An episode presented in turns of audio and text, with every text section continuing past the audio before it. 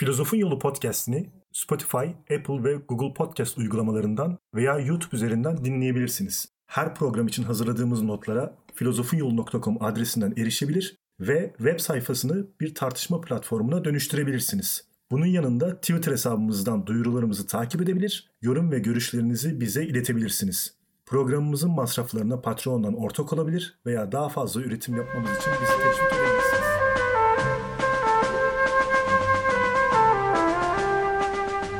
Düşünüyorum, o halde varım.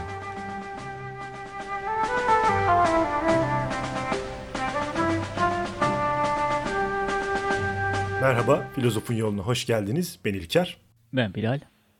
Filozofun Yolunda bu programımızda modern düşünce ve Descartes'i konuşacağız. Evet, epistemoloji serimize devam ediyoruz. Bu programla birlikte Arda Denkel'in Bilginin Temelleri isimli kitabını kullanmaya başlayacağız. Programda bu kitaba aşırı sadık kaldım. Hani kitabı okuyacaklar. Neredeyse bu kitaptan başka hiçbir şey konuşmamışsın diyebilirler. Çok kısa bir kitap zaten okumaktan da keyif alacağınızdan eminim. E, meraklıları mutlaka bu kitaba bakmalarını tavsiye ediyorum. Şimdiye kadar ilk çağ ve orta çağ felsefesindeki e, epistemoloji konularını ele aldık. Orta çağın e, dar anlamıyla tanrı kanıtlamalarından ibaret olan bir felsefe olduğunu zaten görmüştük. Felsefe tarihi serimizde son iki programımızda da bu konulara biraz daha ayrıntılı değinmiştik. Orta çağda e, kilise her konuda bilim dahil egemendir entelektüel iktidarı kilise elinde bulundurur. Ondan habersiz hiçbir şey yapılmaz. Fakat Rönesans'la beraber bir şeylere değişmeye başladığını görmüştük. Bunu da Ortaçağ Felsefe Tarihi serimizde Rönesans bölümlerinde ayrıntılı olarak konuşmuştuk. Modern çağda metafizik dahil felsefenin her dalı da çalışılmaya devam ediliyor elbette. Fakat bu dönemde e, epistemolojideki değişim diğer tüm dallardaki felsefenin diğer tüm dallarındaki değişimin de temel unsuru haline gelir. Dolayısıyla bu dönemdeki epistemolojiyi bilmek, yani modern dönemin epistemolojisini bilmek, anlamak, modern çağ ve onu takip eden dönemlerdeki felsefeyi anlamamızda da yardımcı olacaktır.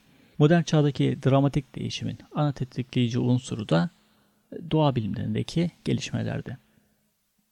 Olguların e, tarihsel gelişimine bakıldığında dönemler arasında genelde bir süreklilik görürüz. Herhangi bir olgu bir anda değişmez.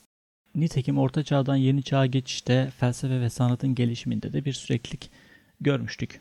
Fakat bunu doğa bilimlerinin dönüşümü için kolay kolay söyleyemiyoruz. Rönesans'ta doğa bilimleri neredeyse bütünüyle bir yapı değiştirmiş, açıklama biçimleri tersine dönmüş, olgunun gözleminden değişik biçimlerde yararlanılmaya başlanmıştı.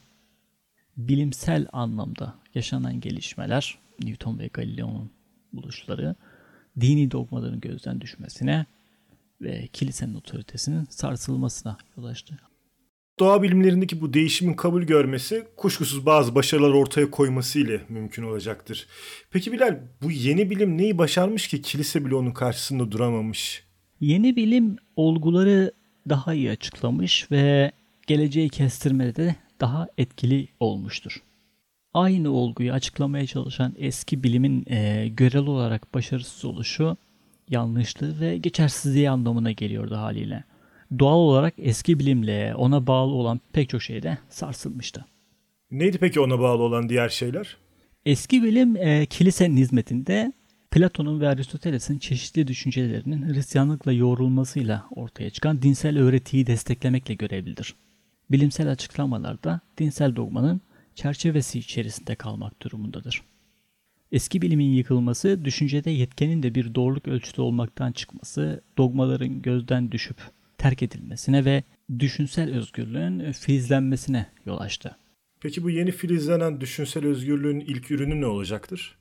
Artık e, açıklamaların doğruluğu yepyeni bir ölçüte göre saptanacaktır ve bu ölçüt ussallık, rasyonelite, yani akılsallık olacaktır. Doğru açıklamanın uyması gereken temel koşut insan usuna, insan aklına uygunluk olacaktır. Bu koşul çağımız içinde geçerliliğini korumaktadır. Peki bu koşul ya da bakış açısı tam olarak ne anlama geliyor? Rönesans serimizde de üzerinde bolca durduğumuz bu bakış açısı e, yani hümanist tutum insan usuna uygunluk ölçtü. Kişiyi ön plana çıkarmış, bireyi ön plana çıkarmış, onun mantıksal bakış açısını bilginin temeline koymuştur.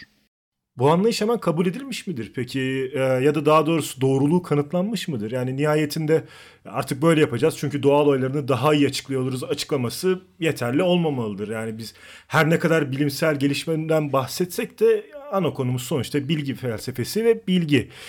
Bilimsel bilginin e, konuşulduğu veya önemli değişimler geçirdiği bir dönemde bilginin bizatihi kendisinin tartışmaya açılması da kaçınılmaz olacaktır. Peki bilgi felsefesi serisi boyunca yaptığımız 12 programda da e, işte sürekli olarak akımların ve filozofların düşüncelerinin neden doğru ve yanlış olduğunu inceledik biz. Yani dolayısıyla bu yeni bilimin de temellendirilmesi ve sağlam temeller üzerine yükselmesi gerekmeyecek mi? Gerekecek evet. Çağın filozofları yani o dönemin filozofları aynı zamanda bilimle uğraşan insanlardı. Haliyle bilimin içeriği, kökeni, kaynağı ve güvenilirliği de elbette tartışılacaktır. Biz de bu programla birlikte bu tartışmaya katılacağız zaten. Değişen e, akılcı bilim anlayışı yeni bir yönteme ihtiyaç duyacaktı haliyle. Bu yeni bilimsel anlayış önceki hataları yapmayacak, bir sistem kuracaktır. Tartışmanın odağında iki sorun vardır. Bunlar bilginin değeri yani hangi inançların bilgi sayılacağı, bilginin kökeni yani hangi bilginin bize ne yolla ve nereden geldiğidir. Bu tartışmayı başlatan da Descartes olacak ve kendisinden sonra gelen düşünceyi de derinden etkileyecektir. Tabi şunu da belirtmekte fayda var. Descartes'in yaşadığı dönemde kilisenin doğa bilimiyle ve bilim insanlarıyla savaşı eskisi gibi cinayetle sonuçlanan bir durumda değildir. Kilise e, doğa bilimi alanında eski gücünü yeniden kazanma umudunu da tamamen yitirmiştir aslında. Kilisenin yeni endişesi yeni bilimsel yaklaşımla dinin alanı içinde kalan ahlak, anlık, zihin, akıl ve tanrı gibi konuların açıklanmaya başlanarak kilisenin temel işlevinin tehdit edilebilme olasılığıydı. Tehditle neyi kastediyorsun? Bir açabilir misin? Yeni bilim materyalist bir bakış açısına sahiptir. Bu bakış açısıyla dinin tinselci tutumu bir zıtlık içerisindedir. 2000 yıl sonra yeniden ortaya çıkan felsefi tartışma yani varlığın özünün madde mi yoksa tin mi olduğu tartışmasına döndük. Varlık en nihayetinde doğa filozofları da gördüğümüz gibi madde mi yoksa Platon'da gördüğümüz gibi idea yani tine mi indirgenecektir? Kilisenin materyalist bakış açısına karşı alacağı tutumu kestirmek zor olmasa gerek. Evet, kilise doğa bilimlerine bir anlamda kaybetmişti ama hala dönemin entelektüel iktidarını sürdürmeye ve tüm kurumların üzerinde kılıcını sallamaya da devam ediyordu. Burada Descartes'in tutumunu merak ediyorum ben. Bir yandan Galileo fiziğinden etkilenerek dış güçlere yer vermeyen bir doğa tasarımı, diğer yandan da Katolik yaşamı süren ve tüm bu konuştuklarımızın farkında olan Descartes.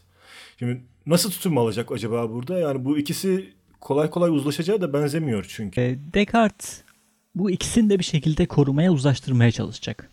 Hatta bu yüzden felsefesine Descartes'ci ikilik ya da Kartezyen felsefe, Descartes'çılık, Descartes'çı dualizm denecektir.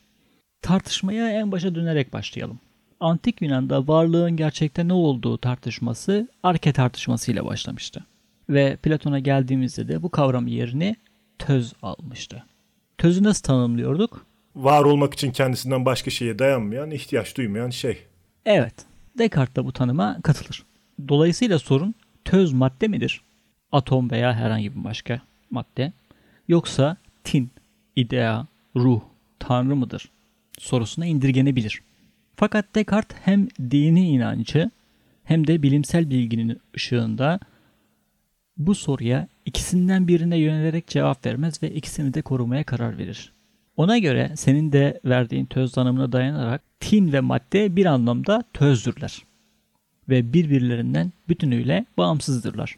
Maddenin temel ve ayrılmaz niteliği uzamdır. Tin ikisi ise düşünmektir.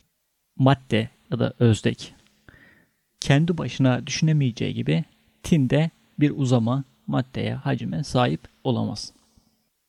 Descartes bu açıklamayla tam olarak neyi başarıyor yani veya açıklıyor?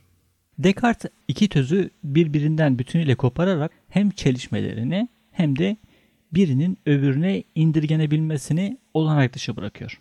Yani iyi de insan bu ikisine de sahip değil mi? Bir anlamda iki tözün bileşimi bir varlıktır. Yani ilk başta bu bakış açısı sağduyuya uygun görünse de birbirine indirgenemeyen bu iki töz hani nasıl olur da birbiriyle etkileşim, etkileşim içerisinde olur? E, dualist düşüncenin en büyük sorunu da budur zaten.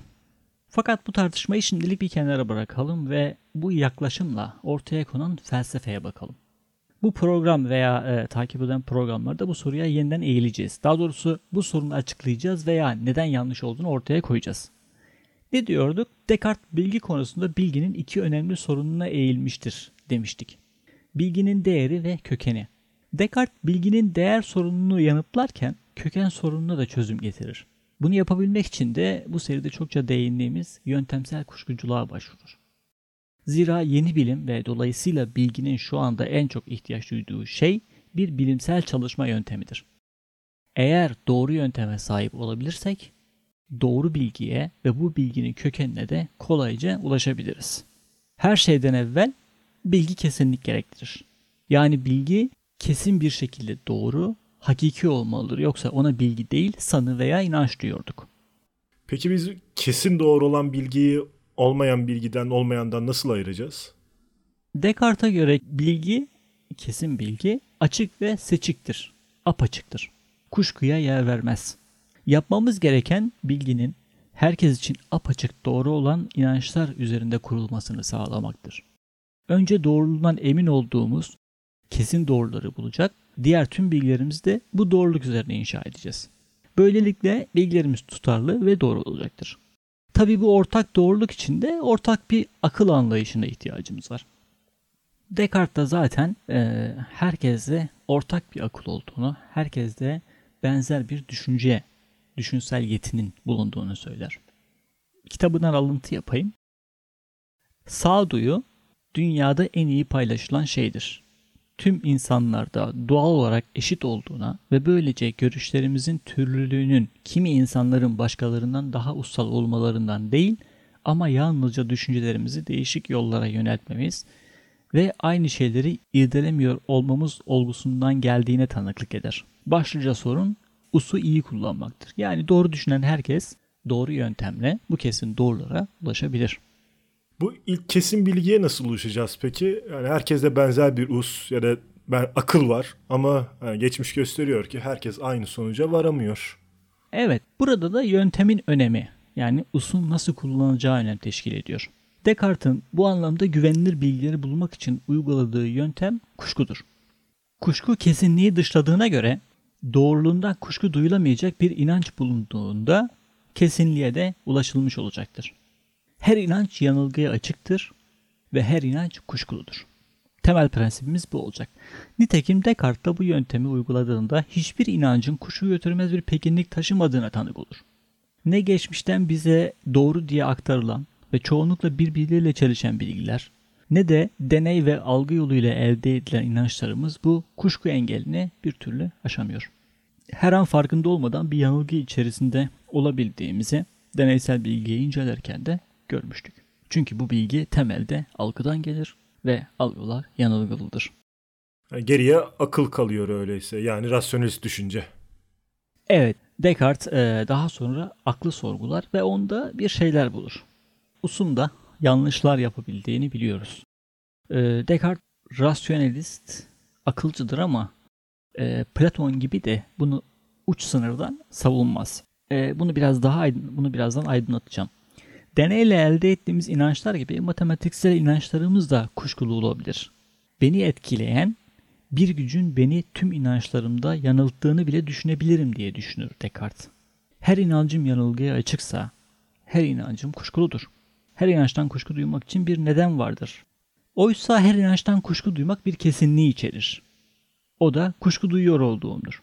Kuşku duyduğumdan bile kuşkulanacak olsam dahi yine de kuşku duyuyor olurum. Kuşku duyduğum kesinse düşünüyor olduğum da kesindir. Çünkü kuşku duymak düşünmektir ve düşünmeden kuşku duyulamaz. Ancak düşündüğüm kesinse düşünen bir varlık olarak var olduğumda kesindir. Düşünüyorum o halde varım. Bu sonuç bize tam olarak ne veriyor Bilal? Yani neyi kanıtlıyor? Yani var olmanın kanıtlanacak bir yönü var mı? Ben varım işte yani bunun farkında olmasam bile varım. Ve bu bilgi pratik hayatımda da hiçbir işime yaramıyor benim. Hiçbir etkide bulunmuyor hayatıma. Evet. E, üzerinde düşünmeden ya da bu ifade edilen kuşku duymadığımız zaman kolay kabul edilebilir görünüyor ama aslında öyle değil. Descartes e, öznel olarak varlığın, anlığın, aklın, usun varlığını tüm kuşkudan arındırmış olur bu akıl yürütmesiyle. Düşünen bir varlık olarak var olduğum açık seçik ve kesin apaçık bir bilgidir. Tüm bilgimizin temelinde de bu düşünce yatacak. Tekrar hatırlatmakta fayda var. Descartes kuşkuyu kesinliğe ulaşmak için bir araç olarak kullanır. Uslamlamasında, akıl yürütmesinde de gördüğümüz üzere kuşku kendisinden kurtulabileceğimiz, yok edebileceğimiz bir şey değildir. Nitekim yanılmıyorsam Farabi de kuşku kuyusuna düşmek kolay, çıkmak zordur demiştir. Bu kuyuya düşenlerden biri de Gazali'ydi ve bu kuyudan kendi başına da çıkamadığını konuşmuştuk. Kuşku duyduğumuz kuşkusuzca keşfedilince kuşku duymak düşünmek ile mümkündür elbette. Benlik de zihin, ben veya ego ne dersek diyelim artık açık ve seçik keşfedilir. Descartes bir kez bu bulunduktan sonra akıl yürütmelerle ortaya çıkarılabilecek kimi başka apaçık doğruların algıdan kaynaklanmadıkları halde anlığımızda, aklımızda bulunmalarını doğuştan düşünceler, bilgiler olarak niteler. Her anlık, her zihin, her özne ortak olan bu doğuştan düşünceleri taşır. Bilgi tıpkı matematikte yapıldığı gibi tümden gelimsel çıkarımlarla üretilir. Çünkü bilgi aklımızda ilk başta çocuklukla belirgin değildir. Descartes'in yaptığı gibi doğru ustamlamalarla ona ulaşabiliriz. Yani yine Platon'a döndük böylece. O da gerçek bilginin akılsal ve ideaların bilgisi olduğunu, duysal bilginin de sanı olduğunu ve doğru bilgi veremediğini söylemişti. Tıpkı Descartes'in verdiği matematik örneğinde olduğu gibi doğru bilginin çıkarsama yoluyla elde edilebileceğini düşünüyordu ve söylüyordu. Descartes'te farklı olan bir şey var mı? Descartes'in bu bilgilere ulaşırken çocuklukta demesi şaşırtıcı değildir. Çocuk e, büyüyüp çevresini algıladıkça bu bilgilere sahip olur. Bu bilgiler belirginleştirilebilir ancak bunu sadece algıyla yapamaz der Descartes. Usun, aklın algıya katkısı zorunludur. Usun, doğuştan bilgiler yoluyla yoğurduğu algı bilgiye götürebilir ancak. Fakat bu bilgi tikelin bilgisidir. Kalıcı, e, genel bilgileri anlıkta doğuştan bilgilerden çıkarsabiliriz ancak. Descartes algıyı Platon'daki gibi tamamen dışlamıyor. Algının ürettiği bilginin usça yoğrulmadan, akıl tarafından yoğrulmadan güvenilir olamayacağını söylüyor yani. Böylece modern usçuluk, modern rasyonalizm kurulmuş oluyor Descartes tarafından. Ee, anladığım kadarıyla us varlığın tinsel yönüyle ilgili bir husus. Anlattığın üzere tinin varlığını, tin tözünü kanıtlamış oluyor. Peki diğer e, peki diğer töz olan maddeyi nasıl kanıtlıyor? Yani algıladığımız dış dünyayı usa vurup dış dünyanın varlığını mı gösteriyor sadece? Artık kendi varlığımızdan e, usun, anlıktan, tinden eminiz fakat e, gerçeklikten şüphe duymak için hala geçerli sebeplerimiz var. Şimdi ben sana e, senin aslında gizemli bir varlık tarafından aslında 30 saniye önce yaratılmış olduğunu ve geçmiş deneyimlerinin tümünün hafızana yüklenmiş olduğunu söylesem veya Matrix gibi bir simülasyon içerisinde olduğunu söylesem aksini ispat edebilir misin? En azından bunun mümkün olmadığını iddia etmek için e, geçerli bir sebebin var mı? Nitekim Descartes'ta özdek kavramında özdek madde onun var olmamasıyla çelişen hiçbir şey yoktur der. Madde olmasa da olur yani. Sadece ruhla, usla, akılla var olmayı aklımıza getirebiliyoruz. Descartes'in e, usum varlığını kanıtladıktan sonra gerçekliği de bu kesin bilgi üzerine inşa edecektir. Ona göre madde bizden bağımsız fiziksel bir dış dünya vardır fakat algımızda bunun yetkin olmayan bir yansısı vardır ancak. Evet dış dünya var ama algılarımız onu dost doğru şekilde algılayamıyor diyecektir. Haliyle anlığımızdaki, zihnimizdeki dış gerçeklik de apaçık doğru değildir. Fakat madde yine de vardır. Dış dünyada olup bitenler düşüncelerimin eseri değildir diyecektir Descartes. Kötü bir cinin eseri de olamaz bu. Kötü niyetli bir varlık da bana bunları düşündürüyor, bir rüya gördürüyor olamaz. Ona göre bu çıkmazda kendisine danışabileceğimiz başka bir varlık vardır. O da Tanrı'dır. Eğer iyiliklerin kaynağı Tanrı algımızı bir dış dünyaya yerleştirmişse öyle olduğumuza inandırmışsa bizi kandırıyor olamaz. Varlık maddede gerçektir. Peki Tanrı'nın varlığı konusunda ne diyor Descartes? Yani gerçekliği Tanrı'ya dayandırıyorsa Tanrı'yı da kanıtlaması gerekmeyecek mi? Kendisi de dindar skolastik olan Descartes'in Tanrı varlığını bu inanca uygun olarak kabul ettiğini e, beklemek yanlış olmaz. Ayrıntılarına girmemekle beraber Descartes'in tanrısının düşünülerek keşfedilen bir tanrı olduğundan bahsedeyim. Orta Çağ tanrısı ise inanılan vahiy ile bildirilen bir tanrıdır. Descartes önce kendini sonra tanrıyı keşfeder. Kilisede insanın varlığını tanrı varlığının önüne koyduğu için zaten ona kızgın olacaktır. Hatta Descartes daha sonra tanrı kanıtlamaları da yazacaktır.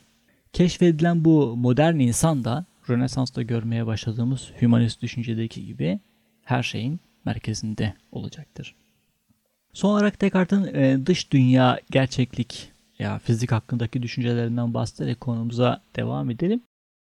Galileo ve Newton'un yaptığı çalışmalarından sonra evrenin artık Tanrı tarafından müdahale edilmeden kendi kendine işleyen mekanik bir düzen olduğu kabul edile gelmişti. Yani bilim çevreleri tarafından. Kilise de zaten bunu istemiyor. Çünkü Tanrı her an yaratmaya devam ediyor dini düşünceye göre. Nitekim Descartes'in evreni de aslında bu mekanik evrene uygun bir evrendir. Onun evrenle ilgili, fizikle ilgili kitapları da var fakat yayınlayamıyor korkusundan. Ee, dönemin popüler keşfi otomatlardır. Mekanik e, günümüze göre daha basit e, makinelerdir bu otomatlar. Dünya da buna benzer kendi kendine işler bir mekanizmaya sahip bir yapıdadır. Sürdürülmesi için Tanrı müdahalesine ihtiyaç duymaz.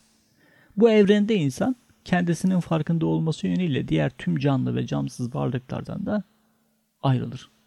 Descartes ve felsefesine ilgili konuları da ilerleyen programlarda konuşmaya devam edeceğiz. Yani her program özellikle birine daha önce yaptığımız gibi her program birine odaklanmak yerine modern düşünceyi beraber ele aldığımız bir seri olacağı için ara ara bu gidip geleceğiz. Fakat Descartes e, giriş olması açısından biraz geniş yer kapladı o programımızda. Evet sonrasına geçelim istersen. E, Descartes'in ortaya koyduğu bu felsefe kendisinden sonraki dönemi nasıl etkiler? 17. yüzyılda e, bilgi ve bilim kurmaya örnek ya da model yapılan matematik önemini korumakla birlikte 18. yüzyılda artık düşünce için bir örnek e, olmaz. Yani matematikteki gibi çıkarımlarla ilerleyen bilim yönteminden ziyade bizim bugünkü pozitif bilime ilerlediğimiz bir dönemden bahsediyoruz. Bundan ötürü e, felsefede kurgu yerini artık e, deneysellik temeline yere basan kuram ve açıklamalara bırakacaktır. 18. yüzyılda zaten deneyin geri dönüşünü simgeleyen bir çağ olacaktır. 17. yüzyıl görüşleri de artık toplumun malı olmuştur, iyice yayılmıştır. Bunda Diderot ve Alenbert'in yazdığı ansiklopedide çok etkili olmuştur. Zannediyorum buna daha önce de kısa değindik ama bu konuyu özellikle dönemin felsefesini yani ta, felsefe tarihi programları kapsamında konuştuğumuzda daha ayrıntılı olacağız. Bu enklopedya, ansiklopedi çok önemli bir e, dönüm noktasıdır medeniyet açısından. Burjuva kitleleri artık uyanmış, kendilerine saygıları artmış, özgürlükler ve yeni haklar aramaya başlamıştır. Fransız devrimi de bu hızla yaşanan aydınlanmanın sonucu olmuştur. Rönesans döneminde görmeye başladığımız deneyici düşünce İngiltere'de Locke, John Locke ile bir e, genel fels- felsefe dizgesi haline gelir. Aydınlanma ve e, ampirik felsefenin, deneysel felsefenin başladığı çağdayız artık 18. yüzyılda. Locke rasyonelizmi ve özellikle doğuştan bilgiler öğretisini yatsır fakat Descartes'in algı ve anlık kuramını hemen hemen olduğu gibi kabul eder. Ee, burada John Locke ile ilgili şunu sormak istiyorum Bilal. Ee, Descartes'in deneycilik konusunda e, kuşkucu uslamlanması nasıl karşı çıkıyor Locke? Ee, biz de birçok programda deneyici bilginin kesin bilgiyi vermediğini ve ona güvenilemeyeceğini gördük ve bu argümanların doğruluğunu onayladık. Evet, e, bu kuşkucu uslamlamayla mücadele eden sadece Locke da olmayacaktır aslında bu dönemde. Locke dahil dönemin etkili filozoflarının neler yaptığını kısaca anlatayım ben ve e, ayrıntılara devam eden programlarda değineceğimiz tekrar hatırlatayım. Locke kuşkucu uslanlamayı sınırlayarak karşı çıkmayı deneyecektir. En kaba haliyle. Daha önce Demokritos'ta gördüğümüz sonra da e, Galileo hatta Descartes ve Gassent'te de bulacağımız bir e, nitelikler ayrımı yöntemini uygulayacaktır. Yeterli olacak mı peki bu? Hayır. Ee, Berkeley deneyciliğin sınırlarını çekerek Locke'un sağduyu uğruna bunların ne kadar aştığını gösterip onu yanlışlayacaktır. Hume ise bu düşünceyi iyi değerlendirerek ve deneycilik açısından çok daha tutarlı bir sonuca varacaktır. Bir dış dünyanın var olup olmadığı bilinemez. Böyle bir dünya varsa bile bilinemez der. Böylelikle deneysel bilgi dış dünyanın bilgisi olmaktan çıkacaktır. Ee, ne anlama geliyor peki bu deneysel bilginin dış dünyanın bilgisi olmaktan çıkması? Kısaca şöyle, deneysel bilgi ya da e, deneyim nasıl algılanır? Duyularımız ve algılarımızla. Evet. Bu yüzden e, deneyime çokça duysal bilgi de diyoruz. Peki bizim tüm dış bilgimiz algılarımızdan, duyularımızla algıladıklarımızdan ibaret değil midir? Yani evet. Peki duyularımızla elde ettiğimiz algı dünyamızdaki dış dünya bilgisini duyularımızdan ve algılarımızdan azade bir şekilde sanki böyle maddeden soyutlanırcasına hakikatle karşılaştırma imkanımız var mı? Yok. Hayır. Sürekli her şekilde duyularımıza mahkumuz. Dolayısıyla bizim deneysel bilgi dediğimiz şey aslında zihnimizde yer alan dış dünya dediğimiz şeye ait değil midir? Evet. Dolayısıyla dış dünya varsa bile onu bilemeyiz ve deneysel bilgi algılarımızın bilgisidir diyor Hume. Bunda şey örneğini çok verir. Kovadaki beyin örneğini çok verilir. Hani insan vücudunun başka organlarının da düşüncenin bir parçası olduğu ile ilgili günümüz ver, bir biliminde böyle bir düşünce veriler var ama diyelim ki gerçekten de aynı bilgisayardaki gibi beynimizin sadece düşünce aracı olduğunu varsayalım ve onu bir mekanizma bir cihazın içine koyalım ve ona dış dünya verisi verelim bir şekilde simülasyon gibi. Bu beyin gerçekte bir kovanın ya da bir cihazın içerisinde olabileceğini bilebilir mi? Bilemeyecek. Sadece ona verilen verilerle. Biz de aynı o durumdayız aslında Hume'a göre. Çalışmalar Hume'la da sona ermiyor elbette. Deneyici argümanların kuşkucu uslamlamaya karşı koymadığından bahsetsek de bu argümanlar etkili olacak ve 18. yüzyıl boyunca çalışılmaya bu düşünce üzerinde bilim yapılmaya, felsefe yapılmaya da devam edilecektir. Bu düşünce Almanya'ya da bir asır sonra gelecektir. O dönemde etkili olan bir e, Leibniz Wolf felsefesi vardır Almanya'da ve bu düşünceyi de sarsacaktır deneyici düşünce. Bu dönemde e, İngiliz deneyiciliğinden etkilenecek ve neredeyse tüm dünyayı peşi, peşinden sürükleyecek kişi de Kant olacaktır. Kendisi 35 yaşında deneyici düşünceyle ilk defa tanışır. Fakat 57 yaşında e, Salt Aklın Eleştirisi eserini yayınlar. Akılcı Rasyonalizm programında da bu felsefeye e, değindiğimiz gibi değindi, algı üzerindeki anlayışımızı derinleştiren çok özgün bir açıklama getirerek felsefeyi adeta değiştirecektir Kant. Nitekim kendisi devam eden çalışmalarında da yapmak istediği şeyin aslında bir Kopernik felsefede bir Kopernik devrimi yapmak olduğunu da söylemiştir. Hume'daki gibi Kant'a göre de dış dünya bilinemez. Bilinen duyumlananın berisinde kalanla sınırlıdır. Kant bu duyumlar dünyasını görüngüler, fenomenler, dış dünyayı da nümenler olarak adlandırır.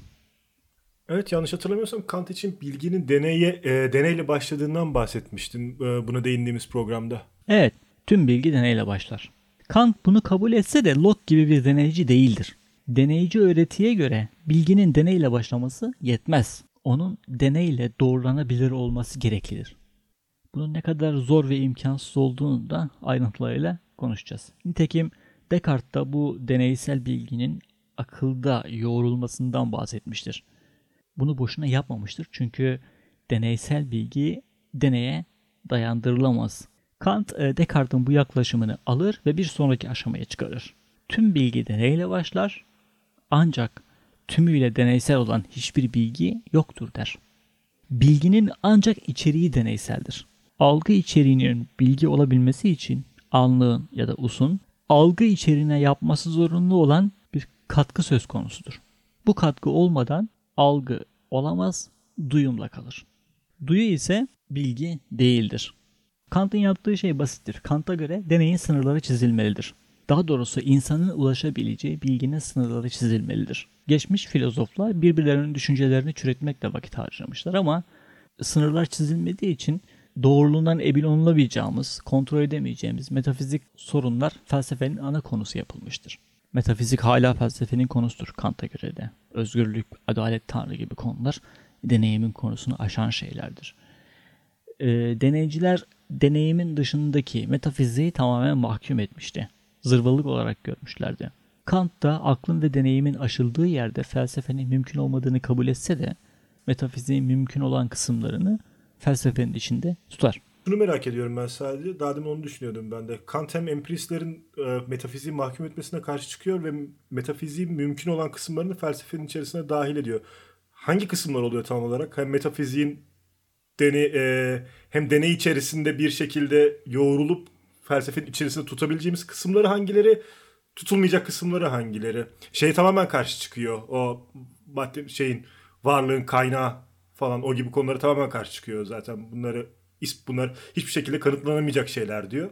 Fakat içinde olmasına da aynı zamanda istiyor ama hangi kısımlar oluyor? Bunlar bir materyalleştiremedim kendi aklımda. Üzerinde çok durmadık çünkü bunların. Ama mesela özgür irade, tanrı kavramı gibi şeyler. Bunlar tartışılmaya devam edilir yani metafizik alanı Onlara şey diyordu kal- yan, yanlış mı duydum? Deneyimin konusunu aşar diyor. Ha ha deneyimin konusunu aşar diyor ama şey felsefe içerisinde konuşabiliriz diyor yani ama.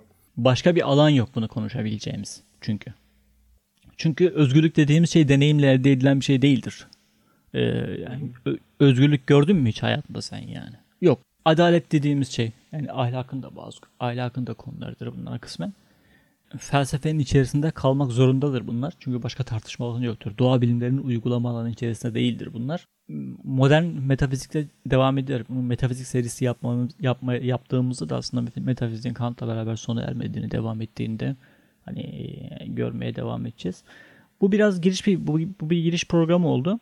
Ben açıkçası dersi alırken çok sevmiştim. Yani bu bu şeyi, kurguyu çok sevmiştim. Arda Denkel anlatım. Bizim hocamız da epey sadık kalmıştı bu kitaba.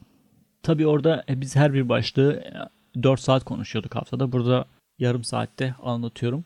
Üzerinde biraz kafa yormak, biraz okumak gerekiyor. İyice şey yapmak için, anlamak için. Artık o da dinleyicinin takdirine kalmış bir şey diyorum. Bir sonraki programımızda görüşmek üzere. Esen kalın. Hoşçakalın.